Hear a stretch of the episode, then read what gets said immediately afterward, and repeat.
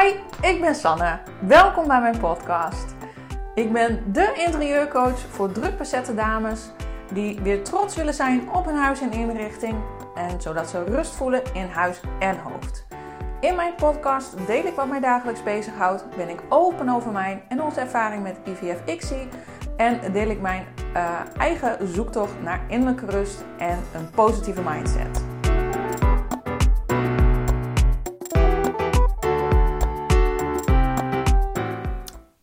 Wow, als je iets deelt over geld op Instagram of waar dan ook, of misschien wel met je familie of vrienden, als je het hebt over geld, je krijgt er altijd gesprekstof door. Of het nou een verhitte discussie is of een heel mooi gesprek, er is altijd iets over te zeggen. Ook toen ik dus van de week iets deelde over money mindset en over dat ik het belangrijk vind om het daar met de studenten over te hebben, werd daarop gereageerd. En dat is helemaal oké. En ik vind het leuk om die gesprekken aan te gaan en om die verschillende mindsets eigenlijk ook daarover uh, te horen. En ik wil je even meenemen waarom ik het belangrijk vind om daarover met mijn studenten te praten. Op de Hans Hogeschool ben ik verantwoordelijk voor de uh, leerlijn ondernemende identiteit. Dat houdt in dat we eigenlijk een soort van drie ja, segmenten hebben binnen de opleiding. De vent, de tent en de cent. De vent gaat over de persoonlijke en professionele ontwikkeling van de student slash ondernemer. En de tent over de inrichting van zijn bedrijf en het bedrijfsconcept en ontwikkeling. En de cent over de verdienmodellen. Over de algemene voorwaarden, over de financiële rechten, over de rechten überhaupt, over de rechtsvorm. En uh, ik hou me dus voornamelijk bezig met die persoonlijke en uh, professionele ontwikkeling van de ondernemende studenten. En dat is ontzettend leuk om te doen. En ik praat dus ook graag met de studenten over allerlei onderwerpen, maar ook over money mindset. En toen werd mij gevraagd ook van, ja, wat voor literatuur gebruik je daarvoor? En uh, is dat een bewezen methode? En ik vond dat een interessante vraag, want um, persoonlijk denk ik altijd, waarom moet altijd alles bewezen worden? Ik ben niet zo van het het moet wetenschappelijk onderbouwd worden. Ja, natuurlijk zit je op een HBO-opleiding en uh, verbind je praktijk aan theorie en kijk je naar relevante theorie. Maar ik vind het ook belangrijk om uh, inspiratiebronnen aan studenten mee te geven. En wat zij daar uiteindelijk mee doen, is aan hen.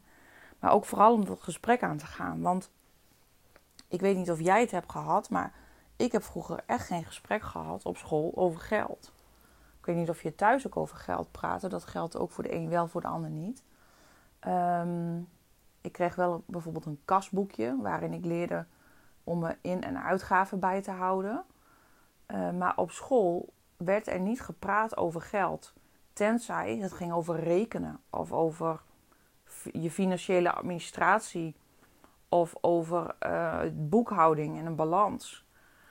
En um, totdat ik dus uh, nou, vorig, nou, vorig jaar, twee jaar geleden, de term überhaupt voorbij hoorde komen money mindset. Dacht ik, hé, money mindset, wat is dat eigenlijk? Ik heb daar verschillende boeken over gelezen, wat podcasts over geluisterd. Um, en uh, dat inspireerde mij wel heel erg, want het, het zette me aan het denken. En Kim Munnekom praat er ook over en die zegt over je money blueprint. Dus eigenlijk, hoe, wat is je geldblauwdruk? En dat heeft alles te maken met je opvoeding. Hoe je bent opgevoed over geld. Hoe er vroeger bij jou thuis werd gepraat over geld. Je kent vast de uitdrukkingen wel van... Oh, geld groeit niet net aan de boom. Of ik ben toch zeker Sinterklaas niet. Of nee, daar hebben we geen geld voor. Hou je hand maar vooral op de knip. Nee, we moeten sparen. Of... Um, ja, er is geld in overvloed. Uh, ja hoor, geef maar uit. Of ga maar naar de stad. Ga maar kleren kopen. Hier heb je mijn pinpas. Trek maar geld uit de muur. Of denk je dat het geld dat uit de muur komt oneindig is? Nou, you name it. Je kent het vast wel. Je hebt vast ook zelf als je nu denkt van... Oh ja, bij mij thuis werd er dit altijd gezegd over geld. Of, uh, en wat ook natuurlijk zo'n statement is van... Ja, geld is niet belangrijk. Geld maakt niet gelukkig. De, de, de, eh, de meeste, sommige mensen zeggen van dat maakt wel gelukkig. En het, oh, het is wel handig als je het hebt. En dan zeg je, ja, maar het is niet het doel in het leven. Maar is dat zo? Is dat niet het doel in het leven om geld te verdienen, om jezelf te kunnen onderhouden? stel, je vraag, stel jezelf die vraag eens van wat is geld voor jou? Is het puur een ruilmiddel? Dat je in de supermarkt geld geeft en daarvoor eten terugkrijgt? Of dat je kleding koopt? Of is geld voor jou ehm, iets wat je op je spaarrekening zet? Of wat je gaat beleggen? Of waar je een auto van kunt kopen? Of waar je van je gezin kunt onderhouden? Dus wat, wat is geld voor jou? Uh, hoe denk je daarover? En ook misschien nog wel belangrijker, wat voor gevoel roept het bij jou op? Als je het over geld hebt. Heb je dan een gevoel van tekort? Heb je het gevoel van leuk? Dat je uh, zin hebt om geld uit te geven? Of dat je heel graag heel veel geld op je spaarrekening hebt, omdat je dat een prettig en veilig gevoel geeft? Of vind je het fijn om geld voor je te laten werken, in de zin van beleggen? Um, en hoe voel je je daar dus dan bij? Roept het angst op? Roept het vertrouwen op? Krijg je er een veilig gevoel van? Of word je er onrustig van? Dat zijn dingen waar ik met studenten over heb. Ehm, en daar is geen goed of fout in. Het gaat erom dat ze zich bewust worden over hoe ze over geld denken, over praten en er dus uiteindelijk mee omgaan. En als je dan weet wat je money blueprint is, ehm, en dat je daar dan feitelijk naar kunt kijken en kan denken van hé, hey, welke overtuigingen met betrekking tot geld heb ik? En welke dienen mij? Welke wil ik graag doorgeven, misschien wel aan mijn kinderen of anderen mee inspireren? En welke overtuigingen dienen mij niet? Ik zal je een voorbeeld noemen. Vroeger werd altijd tegen mij gezegd: Je hebt een gat in je hand. Of je hebt geen hand. Oh, daar heb je Sanne weer, die geld uitgeeft aan onnodige dingen. Want mensen vinden altijd overal wel iets van. Ergens waar jij blij van vindt een ander onnodig. Nou, moet je daar zoveel geld aan geven? Was dat nou nodig? Ehm, en als je dat maar vaak genoeg hoort, dat je een gat in je hand hebt, dan ga je op het duur vanzelf wel geloven dat je een gat in je hand hebt. En soms moet je natuurlijk ook denken van, hè, waar zit de kern, waar zit de, de, de, kern, of de waar, in de, god, hoe heet, hoe is die uitspraak ook? Een kern van waarheid in die boodschap, dat wilde ik zeggen. Um, maar uiteindelijk diende het je niet. Want als je ook dat jouw identiteit is, jouw aanname. Dus dat je je daarmee identificeert van ik ben Sanne en ik heb een gat in mijn hand. Of ik ben Sanne en ik heb helemaal geen hand. En ik geef geld uit als slootwater. Ja, mij dient het niet. Ehm, en zo wil ik ook niet over mezelf denken of dat voelen. En ik wil dat graag veranderen. Ik wil bewust omgaan met geld. En eh, dat heeft te maken dus met wat er, of hè, hoe je bent opgevoed, wat er misschien altijd tegen je wordt gezegd. Ook wat voor beeld je van jezelf hebt. Misschien zeg je ook wel altijd tegen jezelf: Ik heb of ik kan niet met geld omgaan. Of ik kan heel goed met geld omgaan. Of eh, nee hoor, ik heb het allemaal onder controle. Ik weet precies wat ik uitgeef. En ik weet ook precies wat er binnenkomt. Dat zijn allemaal overtuigingen die je zelf kan hebben. Niet goed of fout en niet daar oordelend over, maar bedenk dus eens voor jezelf welke overtuigingen dienen jou? Waar heb je wat aan? En welke zeg je van nou, die dient me eigenlijk helemaal niet. Zoals bij mij die gat in mijn hand. En dat, zo wil ik niet over mezelf denken en daar wil ik mezelf niet mee identificeren. Ik denk dat dat de belangrijkste boodschap is waar ik studenten mee hoop, en misschien jou ook wel, te inspireren. En ook met elkaar is dat gesprek aan te gaan over geld. Want geld is niet vies. Um, en uh, uh, wat ik ook, uh, vaak zit er ook afgunst in. Ik heb dat al een keer eerder ook gedeeld van, net als over die huizen, wat ik laatste keer heb gedeeld. Als je dan Als ik bijvoorbeeld dan dure huizen zie, het eerste wat in mij opkomt is dat ik denk: oeh, dat wil ik ook. Dat lijkt me ontzettend gaaf om daar te wonen. Terwijl een ander misschien wel denkt: Jezus, die hebben ook geld te veel. Nou, ik zou het wel iets anders willen uitgeven. En het is helemaal niet nodig om daarover te oordelen. Neem het gewoon aan of laat het je inspireren, maar voel niet die afgunst. En datzelfde geldt voor nu, de komende periode, merk ik ook weer helemaal bij mezelf als het gaat om cadeaus en over Sinterklaas en over hoeveel geef je uit. En um, typisch ook, ik vroeg laatst aan iemand: um, Oh, wat heb je gekocht? Het, kindje was jarig. En toen kreeg ik meteen terug: Gekocht? Hoezo gekocht? Daar gaat het toch niet om? Ik dacht: Hè?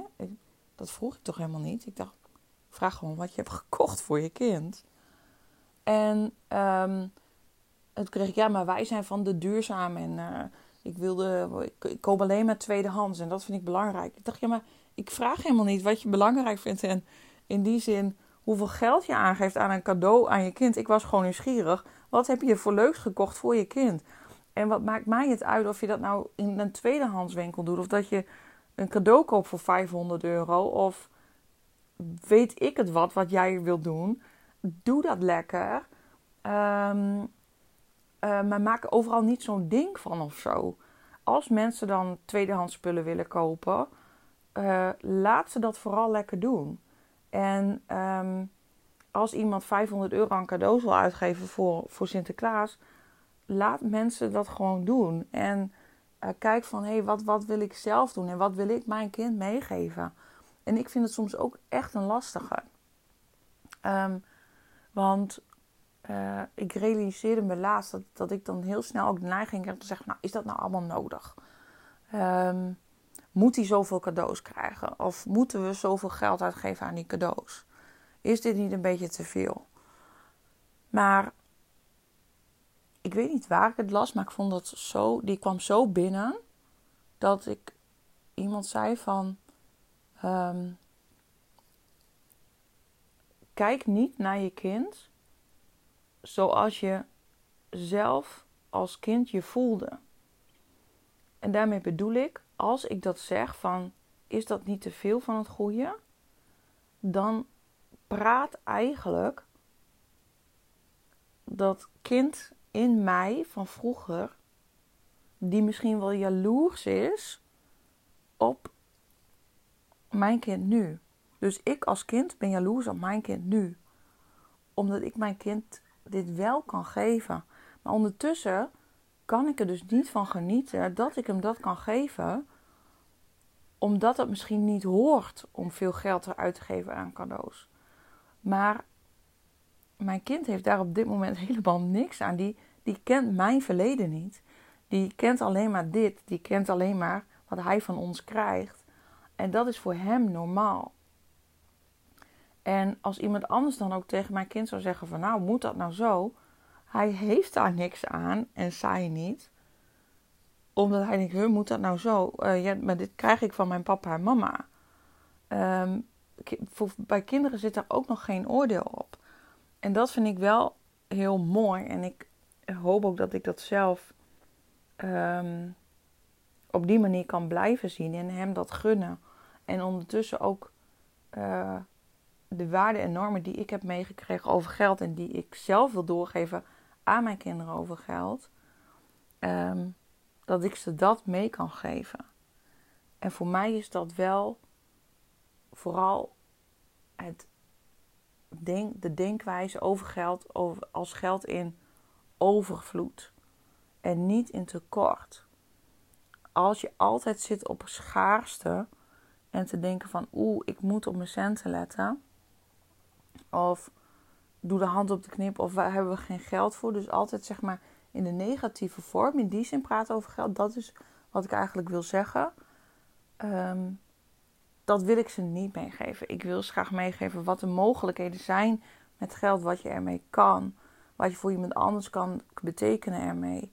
Wat je ermee kan kopen ermee. Wat je ermee kan krijgen ermee. En het belang van geld. En dat het um, fijn is om genoeg geld te verdienen. Om genoeg geld te verdienen en je geen zorgen te hoeven maken over die rekening die komt. En als je dan wel een keer zorgen hebt, dat je dat dan ook kan delen. En dat je daar niet voor hoeft te schamen dat je iets niet kan betalen. En dat je niet altijd overal bij hoeft te zijn of mee te doen, maar bewust keuzes kan maken waaraan je geld uitgeeft.